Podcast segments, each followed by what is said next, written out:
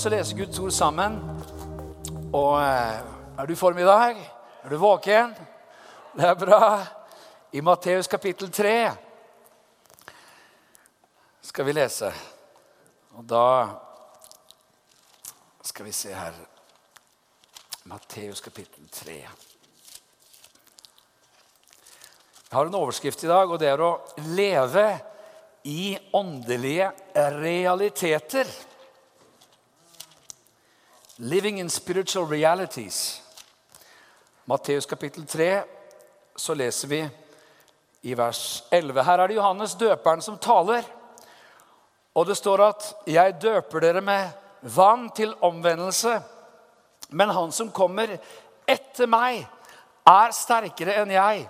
Jeg er ikke engang verdig til å bære skoene hans. Og så står det Han skal døpe dere med Den hellige ånd og ild, står det. Halleluja. Er bare man leser dette verset her, så blir man jo begeistret. Hva betyr egentlig dåp? Det var jo dåp her på onsdag. Sju stykker som lot seg døpe i vann. Og når det var dåp, så så, så, praktiserer vi full neddykkelse. For det ordet dåp det er ordet baptismo, et gresk ord. Og det betyr å liksom senke noe helt nedi. Eh, å dykke eller duppe noe ned i en materie. Bli, bli døpt i vann. Og så sier Johannes døperen her at det kommer en, han heter Jesus, han som kommer etter meg. Han skal døpe dere med Den hellige ånd og ild. Og jeg mener bare Smak litt på dette. her, for det, Hvis man tenker på Den hellige ånd og hva Den hellige ånd er Hva er Den hellige ånd? Vi sier jo gjerne Gud Fader, Gud Sønn, Gud Den hellige ånd. Altså døpt i Gud, døpt i Den hellige ånd, døpt i Gud selv, døpt i Den hellige ånd og ild. Wow! Altså, det er liksom, Av og til kan man tenke ja, men det er jo liksom fint med litt sånn ild. Jeg har litt sånn Helligånds ild. Og så ser du for deg liksom at det er som om man tenner en lighter. ikke sant? Det lille lyset jeg har, det skal få lyse klart. Det er en sånn gammel kristen fin sånn sang som man sang i kor. og sånn. Det lille lyset jeg har, er noe som har hørt den, det skal få lyse klart.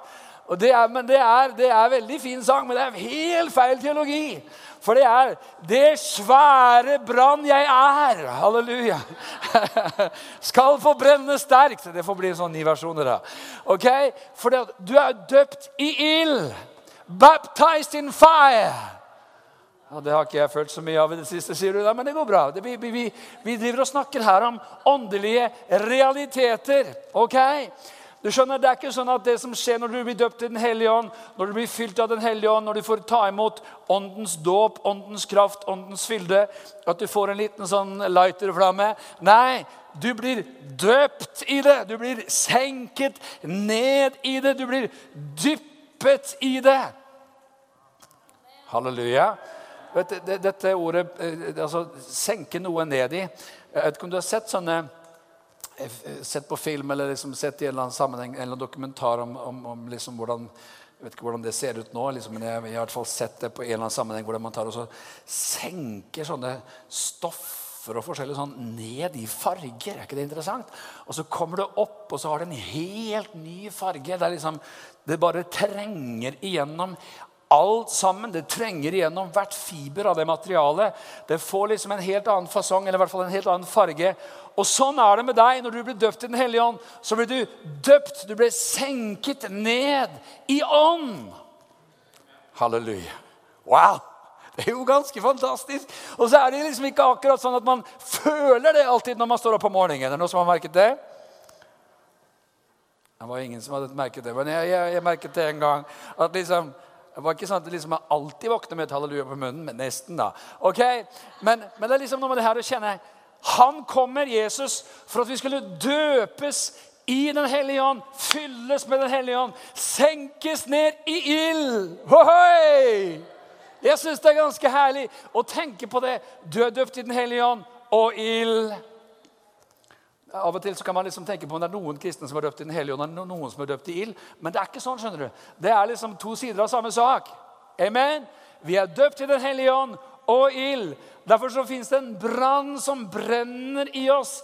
There's a fire in our bones. Det fins en, en ild på innsiden. Det fins en flamme her. Halleluja! Amen! Og den ilden, den flammen, den ilden som er på innsiden av deg, den slukker ikke. Den kan slukkes. Det står Derfor så står det 'utslokk ikke ånden'. står det, så Den kan tydeligvis slukkes, men vi kommer litt mer inn på det. Men, men er ikke det herlig å tenke på, da? Amen. Det kan du se deg i speilet når du våkner i morgen og tenke 'Baptized in fire'. Amen! Døpt i ild, fylt med ild. Ja, det var det, da. Ja, men det er, vi, vi bare si litt mer om det her. Bare tenk litt på det. Bare dvel litt ved det. Grunn litt på tanken. Døpt i ild, fylt med ild. Halleluja. Det hender jo av og til at når du ser et bål liksom det, som brenner, og sånt, så, så, så, skjønner man at det må liksom litt sånn tilførsel med ved. og tilførsel. Det må finnes oksygen. og Man kan av og til liksom oppleve at, at den ilden, flammen, blir mindre og mindre. og mindre og mindre, og mindre. Men en ting som jeg synes er fascinerende, det er at når, hvis, hvis, du har sittet forbi liksom et eller annet sånt, eller tenk på et leirbål eller peis, eller et eller annet, så kan man tenke nå, nå er det ikke mer. Nå er det dødt. Nå er det ferdig. Nå er det it's over. Men, men det, er, det, er, ikke det. skjønner du. Det liksom, det finnes noen glør der som, som, som, som, kan blåses liv i, og så plutselig så begynner det å brenne. Eh, det er kanskje en annen preken. Men jeg har lyst til å liksom bare vise deg eller snakke om at vi skal tenke på disse åndelige realiteter som er våre liv. Vi brenner. Vi er brennende. Amen.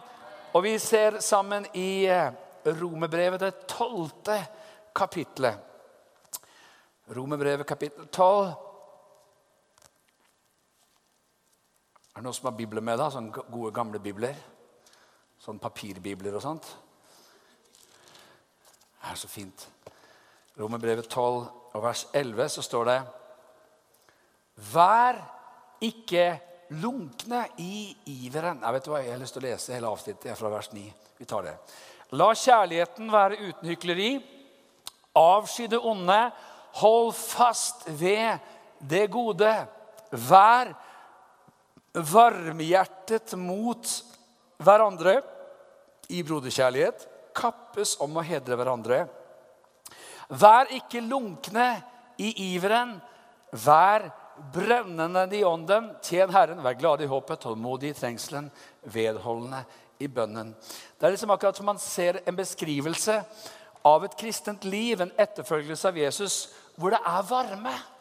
Det, det, det, det fins liksom Kjenner du, kjenner du, når du leser disse versene? Her er det varmt. Her er det godt. Det er broderkjærlighet, kjærlighet. Men så står det noe litt sånn rart når det står Ikke vær lunken i iveren. Vær brennende i ånden. Det virker jo som et utrolig merkelig vers, for det virker som det sier noe om at du kan være ivrig og lunken på en gang. Gåtefullt. Veldig, veldig, veldig gåtefullt. Går det an å være ivrig og lunken? Altså iver og lunken? Nja, tydeligvis. Så, så, kan det liksom være sånn at du, du, du har kommet så opp i marsjfart at du, du, gjør de rette tingene og du gjør de rette greiene og du holder på med de rette tingene og du gjør de der tingene som kristne skal holde på med. Men så sier, så sier Guds ord Vær brennende i ånden. Halleluja. Det er en befaling. Det er sånn imperativ. Vær brennende i ånden husker jeg hørte en predikant som prekte for en tid tilbake. og Han sa det, det, det, liksom, det fins jo ingenting som vi egentlig må. Det fins jo ingenting som vi må. Det fins ingen krav i det hele tatt. Jeg vet ikke hvor sant det der egentlig er. Jeg syns det er ganske mange sånne må. Jeg synes det er ganske mange imperativ. Jeg synes det er ganske mange sånne det står jo det står ikke 'du kan hvis du vil' eller 'du får lov til'. Eller, eller med en gang så tenker vi jo liksom i vår vestlige verden 'vær brennende i ånden'. Det er Sånn, ja, men det er fint for de som er sånn av natur. Det er ikke jeg. Jeg er ofte sur. Og så tenker man du har liksom noen som er brennende, og så har du liksom sånne vanlige kristne, sånn fint normale kristne, og så har man liksom sånne litt sånn slappe kristne. Og jeg er liksom ikke helt sånn i den her eh, veldig sånn fire-klubben, og liksom ikke helt i den der eh, litt sånn, sånn klubben heller, men sånn, sånn fin sånn midt imellom, lagom, som svenskene sier. Ikke sant? Og det syns jeg er greit. Nei, vet du hva? Det Paulus sier her, er 'vær brennende i ånden'. Halleluja. Det vil liksom ikke si at man er hysterisk. noen tenker Det Det vil liksom ikke si at du alltid liksom er sånn fistelbønn, liksom. ikke det du snakker om. Men det vil si at det fins en brann, det fins en ild. Det fins noe der inne som ikke er likegyldig. Den som er brennende i ånden, er ikke likegyldig. Amen. Det fins en brann, det fins en ild, det fins en glød i ditt hjerte. Og Bibelen sier, 'Vær brennende'. Halleluja. Det er liksom ikke sånn man skulle tenke at det, ok, man blir en troende, ilden brenner, halleluja, begeistringen. Og så liksom svaler det av litt, og så blir det litt sånn mer normalt. og så... Nei, vet du hva? Det som er interessant, er at den rettferdige sti er som et strålende lys som blir klarere og klarere, like til høylys dag. Jeg tror at Guds tanke med våre liv det var at vår kjærlighet til Jesus og vår kjærlighet til mennesker og vår kjærlighet til Gud det skulle være sterkere og sterkere og sterkere jo mer vi blir kjent med Han. Amen. Jo mer vi blir kjent med Jesus, jo mer vi vokser i Guds nåde og vokser i kjennskap til Han, jo sterkere brenner ilden i våre liv. Amen. Amen, amen. Kan vi få et aldri så lite amen her? Amen. Halleluja. Fins det noen som brenner her inne? Amen, amen. Halleluja. Ilden brenner i vårt hjerte. Er det sant? Det står sånn nemlig i eh, Hvis du går med meg til 2. Timoteus kapittel 1 2. Timoteus brev Så skjønner vi at i ånden, i Gud, i livet, i Den hellige ånd, så finnes det tider hvor det må skje noe. Her står det i vers 6, så sier Paulus og Timoteus disse pastorale brevene. Jeg minner deg om at du igjen opptender den Guds nådegave som er i deg ved min håndspåleggelse. For Gud ga oss ikke feighetsånd. Andre oversettelser sier fryktens ånd. Noen sier motløshetens ånd men krafts, kjærlighets og sindighetsånd.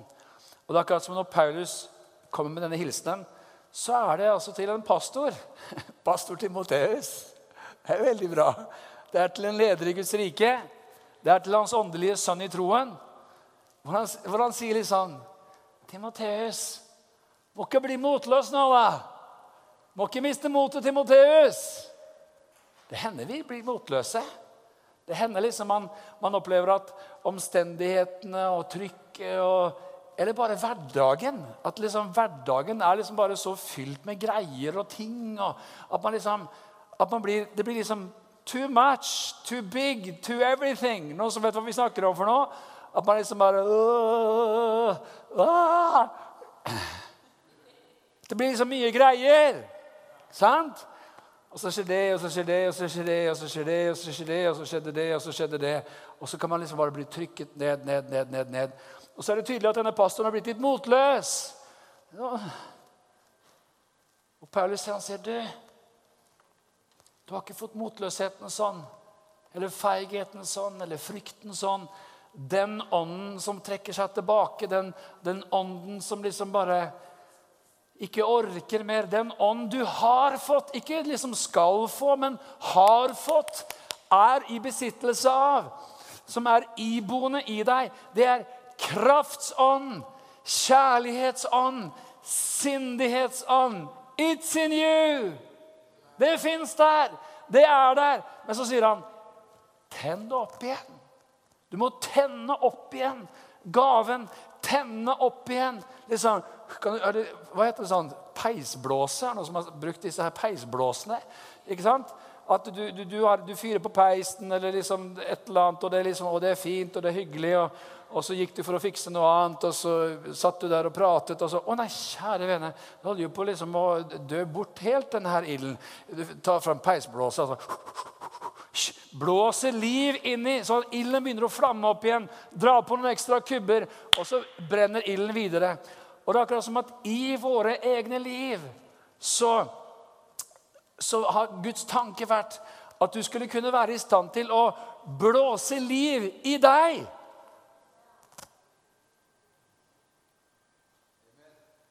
Amen. Tenn opp igjen, sier Paulus. Hvem var det som skulle gjøre det? Han skulle gjøre det. Det er jo litt fint. Vi kan be for hverandre. Vi kan be sammen. Vi kan be om forbønn. Det er helt nydelig. Men det er åpenbart at her så, så sier Paulus til Timoteus du må tenne det opp igjen. Du, du, tenn det opp igjen. Du har fått noe. Du er blitt gitt noe. Men du må tenne det opp. Amen. Du må tenne det opp igjen. Tenk deg det, kjære venner. Ånden har tatt bolig i oss. La oss lese Kolossebrevet. Sånne enkle tanker her, men så viktige i den dagen som vi lever. Kolossebrevet, det første kapittel, så leser vi om det som har skjedd med oss når vi ble kristne. Vers 27. For dem ville Gud kunngjøre hvor rik på herlighet dette mysteriet er blant hedningefolkene. Det er Kristus i dere, håpet om herlighet. Jesus i oss, håpet om herlighet. Daniel, kan ikke du ta gitaren din litt? Den der kassegitaren. Den akustiske.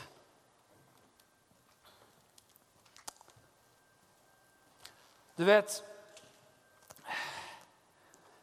Vi har lett for å bli sånn brusautomatkristne. På med 20 kroner, ut med greiene. ikke sant? Hvis den er litt, litt treg, så gir du den et lite sånn kjærlig spark også. Men så er det noe med Den hellige ånd som ikke er sånn, da. Og så sier Jesaja kapittel 40 Skal vi se, la oss slå opp det også sammen.